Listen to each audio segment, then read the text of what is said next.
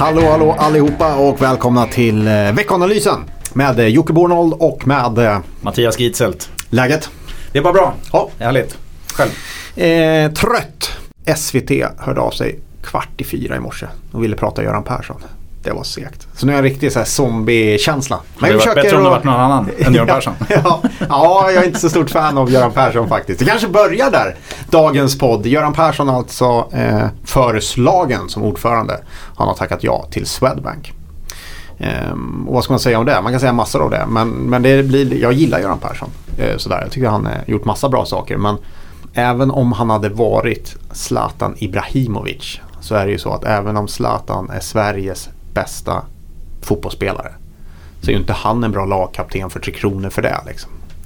Eh, och någonstans kan jag väl känna att det är lite med Göran Persson. Eh, att sitta som ordförande i en bank är en ganska tung uppgift som kräver sin erfarenhet och kunskap. Eh, och den har han inte. Så att, eh, nej, tveksamt val. Känns lite sådär. Vi tar ett eh, känt, stabilt namn som folk eh, har respekt för. eh, men eh, vi får väl se. Han får väl helt enkelt bygga upp en styrelse som kan hjälpa honom. Man får lite känsla av en statlig inblandning nästan fast det inte är det. Ja men det är ju så de här bolagen och, och Swedbank är ett av dem eh, som ibland glömmer nästan bort att det är ett noterat affärsdrivet bolag. Eh, folkrörelsebolagen har ju alltid de här problematiken. Eh, men den blir tydligare i Swedbank för att det är börsnoterat. Men då har Folksam, Coop och så vidare där man tenderar att lyfta in människor med bakgrund i folkrörelsen. Istället för att kanske bara strikt gå på kompetens och erfarenhet från den bransch de ska verka i. Och det där är ett problem och, och någonstans måste man faktiskt fundera på om inte det är ett problem kanske för Swedbank eh, och det är därför man hamnar i de här ganska stora kriserna allt oftare. Eh, flera stora saker som har hänt där. Eh, så det får väl helt enkelt ägarna ta på sig lite grann.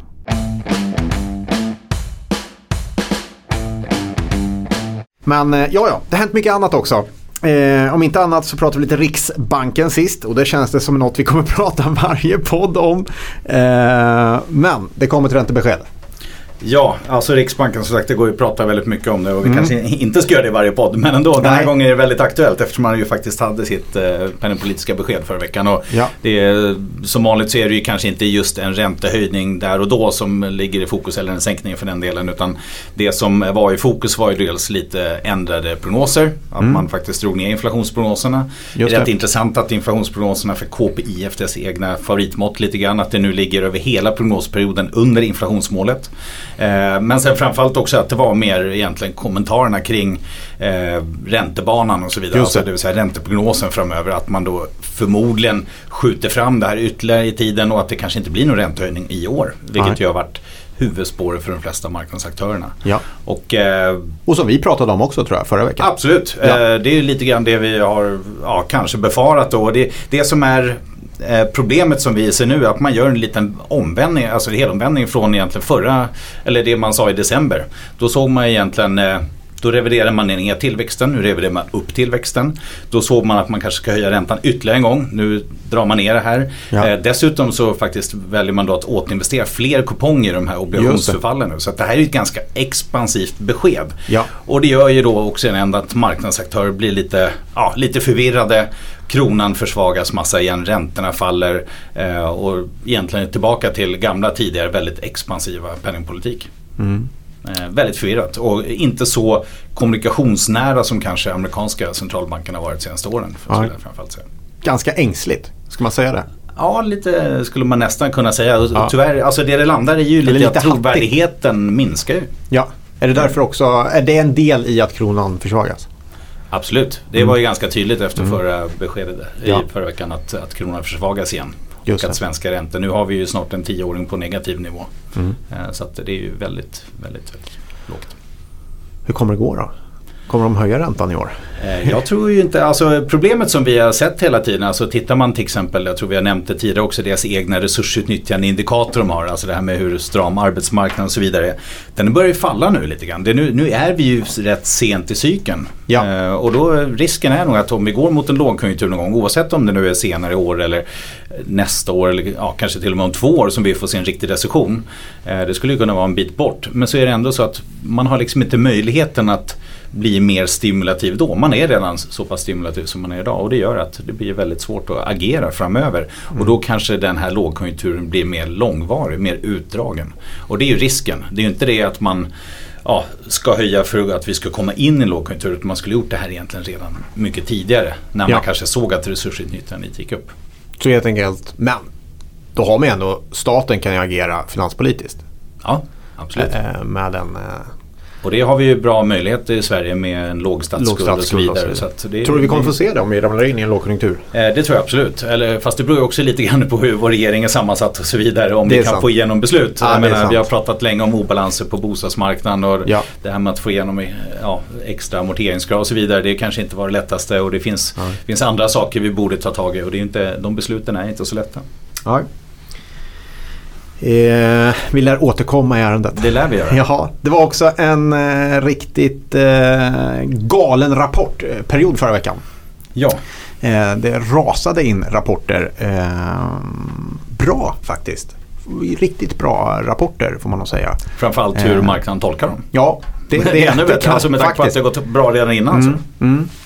Mm. och jag har ju varit lite så här, ja, vi får se hur det går. Det kan någonstans skulle vi upp till bevis här. Men, men, det ser ju ganska okej ut. Inte bara i Sverige. Även de amerikanska bolagen kom in helt okej faktiskt. Eh, och någonting som eh, vi tog fasta på är väl att det är vinsterna som, som ökar lite grann till och med. Mm. Ja framförallt alltså marginalerna, liksom lönsamheten ökar ja. och det eventuella, eventuella försäljningstapp eller den, den kanske efterfrågan som inte riktigt är helt i topp. Den kan ju då kompenseras av att lönsamheten faktiskt stiger och det gör att vinsterna blir bättre. Och, eh, I USA så är vinsterna bättre än förväntat. I Sverige så är vinsterna och försäljningen faktiskt något bättre än förväntat på mm. aggregerad nivå. Och det behövs ju för att vinstprognoser i sin tur ska kunna revideras upp.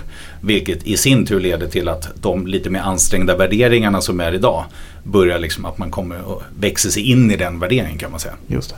Kommer vi se det där i inflationen? Det känns som allt fler bolag man lyssnar på. Om man lyssnar mm. på telcos så, eller telefonkonferenser så kan man konstatera att eh, och det här blir någon slags min känsla då. Men det finns mm. känsla av att man, eh, allt fler eh, av tillverkarna pekar på att man kan ta uthöjda råvarukostnader ut mot kund. Att man kan höja priserna helt enkelt. Borde inte det till slut synas i inflationen? Jo, eh, det borde det absolut göra. Ja. Du har helt rätt. Alltså, vi har faktiskt, om man ser Sverige har vi en löneinflation på kanske 2,5%. Mm. Tittar vi i USA har vi kanske 3-3,5 till och med. Ja. Tittar vi råvarupriser och andra kostnader så ökar de. Och onekligen verkar bolagen kunna kompensera sig för det. Ja. Vilket gör att eh, ja, vi, vi får definitivt ökade högre priser. Och även när vi ser sådana mätningar vad bolagen säger om prisnivåer så är de på ganska höga nivåer. Som mm. normalt leder till inflation. Men ja. problemet är ju också lite att inflationsmåtten inte är helt, fångar helt upp där. Och det blir ju faktiskt ännu mer tydligt när vi sen ska prata om faktiskt en makrohändelse förra veckan när vi fick mm. in första kvartalstillväxten. Men nu kanske vi pratar lite fler ja, vi kan ta, bolag. Vi, vi kan plocka några bolag kanske. Eh, verkstad eh, stack ut positivt. Mm. Volvo kom en riktigt bra rapport. Eh, men där var orderingången svag. Mm. Och det är ju svårt att veta då. Själva säger de orderboken är full. det finns inget mer att ta in. Eh, men eh, det som jag tycker är intressant där som man kan plocka fram ur Volvos strategi då när den är full, orderboken, är ju att man ser till att jobba med orderboken och hitta man kan säga så här, eh, man ser ju helt enkelt till att prioritera där du tjänar mer pengar i orderboken. Och det slår ju ganska bra på marginalerna. Eh, och det där tycker jag är intressant. Det lyckas Volvo väldigt bra med. Eh, att i en period där man helt enkelt inte kan producera och sälja mer lastbilar ser man till att man säljer till de som är beredda att betala mest. Mm. Så där tror jag man jobbar rätt aktivt och hårt med och det syntes i resultatet. Väldigt starkt resultat från Volvo. Eh, däremot många som är oroliga över just eh, eh, orderingången som sjönk. Däremot eh, i övriga verkstadsbolag ser orderingången väldigt bra ut. Atlas, Atlas kom in riktigt bra. Riktigt, riktigt bra. Så att, Nej, det är inga tecken på Inga tecken i siffrorna på att konjunkturen viker av. Därmed blir det som eh, förra kvartalet också. Att när man ska säga prognostisera eller svenska bolag gör ju inte riktigt det på samma sätt som amerikanska. Men mm, någon kommentar säger de i alla fall och det, man blir försiktig. Det är inte så att siffrorna pekar eller alla pekar. Eh, alla säger att ja, det, det verkar som att konjunkturen kanske toppar, att vi ligger på den här nivån. Men vi ser ingenting. det är någonting som de flesta säger. Eh, så vi får väl se vart det där tar vägen.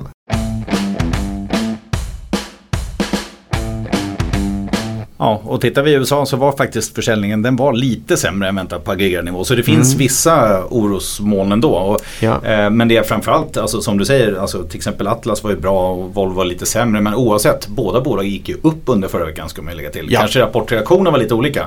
Ja. Men det, faktiskt, de flesta bolag var ju faktiskt upp efter rapporterna. Så att det är ju verkligen ett klimat där man tolkar allting positivt. Mm. Och det är efter en inledning av börsen på året där det är upp 20%. Det tycker jag är väldigt, väldigt speciellt. Ja, det är speciellt. Tidigare, faktiskt. Verkligen. Just Atlas som alltid faller på rapport. Ja, av tradition. Ett annat bolag som alltid eh, gör en besviken på rapportdagar, Skanska. Eh, kanske inte alltid, men de har en eh, väldigt svårt med sina marginaler. Och det fortsätter de ha också. Eh, Skanska kanske var det som stack ut som jag tyckte såg ganska svagt ut. Eh, annars fortsätter rullar in. Idag har vi måndag. Imorgon kommer två sista bankerna, Handelsbanken och Nordea. Eh, nej, SEB och Nordea, eh, SEB och Nordea förlåt.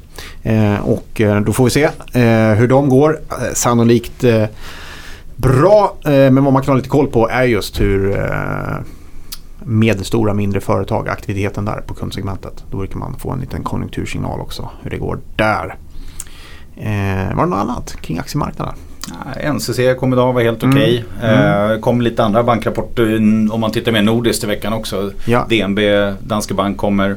Um, ja, Novo Nordisk är i och för sig ingen bank då, men även ett annat nordiskt bolag som är lite intressant. Ett stort danskt bolag yes. inom hälsovård. Så det finns lite andra bolag att bevaka under veckan. Men annars så, ja, det var framförallt förra veckan som vi hade mycket rapporter. Just det.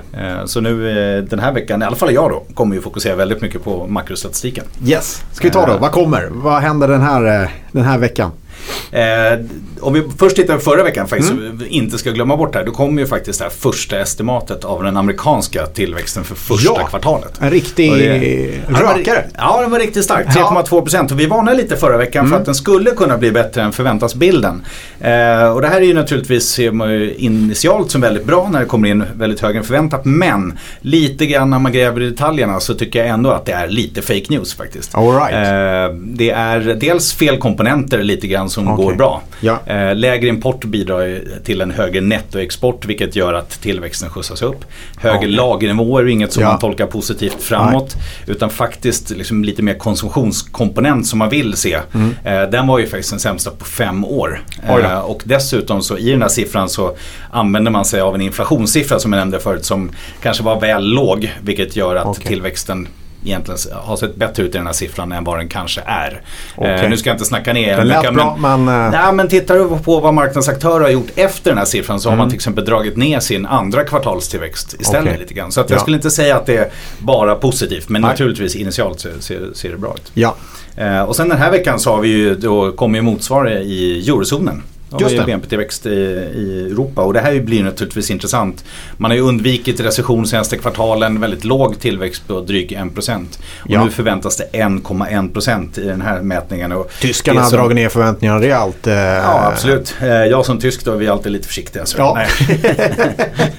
Nej då. Men visst är det så. Där har, det är flera prognosinstitut och så vidare som har dragit absolut. ner det. Absolut. varit, framförallt om man tittar på det här sentimentsindikatorer. Alltså när Just man mäter marknads, eller liksom humöret hos ja. eh, bolagen eller hos konsumenter eller vad det är. Så, så har det varit väldigt dämpade mm. siffror. Medan tittar du på faktiskt hårddata, alltså mer industriproduktion och liknande så har det hållit upp lite bättre och till exempel bilförsäljning i Europa har faktiskt gått okej okay sista månaderna. Ja. Eh, vilket gör att det här blir extra spännande tycker mm. jag, den här mätningen, hur det faktiskt har slagit ut i tillväxtdata. Kan Men, man stöttas lite av eh, att Kina vaknar till? Eh, lite Eller tidigt. tidigt. Alltså det finns mm. en förskjutning. Eh, jag kikade på en analys häromdagen på det här. Eh, okay. förskjutningen mellan att det vänder i Kina och att det börjar dyka upp i eurozonen. Ja. Beroende på vad man tittar på oavsett om det är investeringar eller mm. andra faktorer. Så är det ett par kvartal okay. normalt som man pratar om. Ja. Så det är för tidigt. Är för framförallt tidigt. för första kvartalet. Ja, Där kommer det inte alls bli någon effekt. Sen har vi en jättetung makrovecka i USA. Ja. Det är jättemycket som kommer. Framförallt då nya sysselsättningssiffror på fredag. Förväntat återigen kring 200 000 jobb i månaden. Så där Mm. finns det egentligen, jag är inte särskilt oroad för den. Även Nej. om den här nya arbetssökande siffran som kommer varje vecka har sett lite sämre ut. Okej. Men, eh, men det ser okej ut. Men sen kommer ju också då ISM-index, alltså inköpschefsindex på nationell nivå. Både för tillverknings och tjänstesektorn och det kommer också konsumentförtroendemätning från Board. Det kommer bostadssiffror så det är ja, väldigt fullspäckat schema som jag tycker är ganska intressant för att få en känsla för om det verkligen är så att det kanske börjar mattas av även i USA som jag har hållit Ja. upp någorlunda bra sista tiden. Faktiskt. Kanon. Bra, ja, på aktiefronten är det fortsatt en del stämmor eh, och vi har eh, varför inte kika lite extra på Boliden på fredag. Det är alltid spännande. Och sen eh, om vi tar lite utländska bolag så Novo Nordisk. Det är nog en av de mest ägda aktierna bland svenskar faktiskt. Utländskt ägda aktierna bland svenskar. Novo Nordisk kommer även på fredag. Eh, bra. Jag ska, vi kanske ska avsluta här. Jag ska hoppa ut och prata mer eh, SAS-strejk. det, är det jag gör om dagarna nu för tiden. Eh, så vi säger väl tack och hej och så hörs vi nästa vecka. Ha det bra.